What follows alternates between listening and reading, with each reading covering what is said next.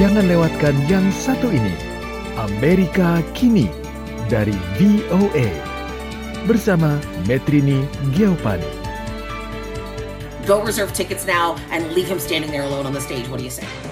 Fenomena TikTok kini semakin menggiat. Aksi seruan untuk bertindak melalui jejaring sosial telah berkontribusi pada sedikitnya masa pendukung yang menghadiri rally Trump pada Juni 2020 lalu.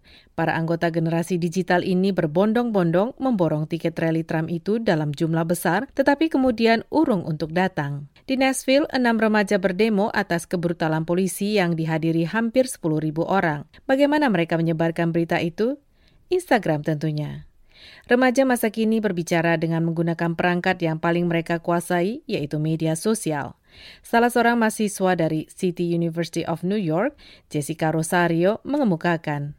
I think overall technology has really been a driving force for us. Saya pikir secara keseluruhan teknologi benar-benar menjadi kekuatan pendorong kami. Lewat media itu kami terhubung satu sama lain, lalu harus diusahakan cara agar hal-hal itu bisa dimanipulasi bagaimana agar bermanfaat bagi kita.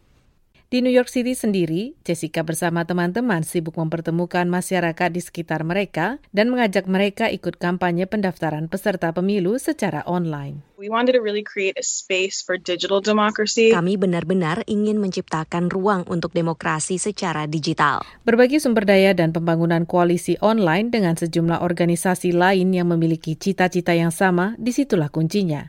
Rosario lebih jauh memaparkan.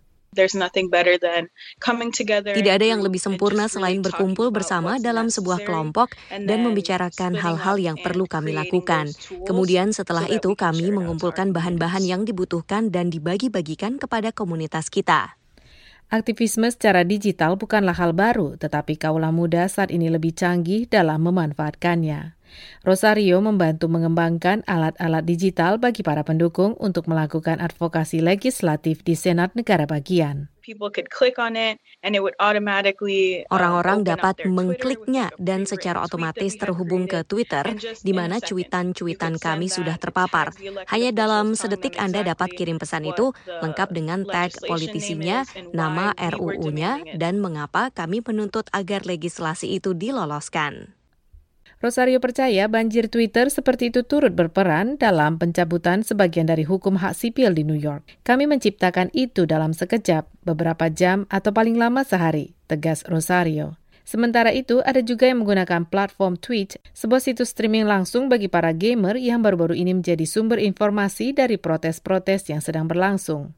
Bagi Rosario yang berusia 21 tahun dan masuk kelompok Gen Z, ia masih bisa mengapresiasi teknologi yang kadaluarsa asalkan tetap memberi manfaat.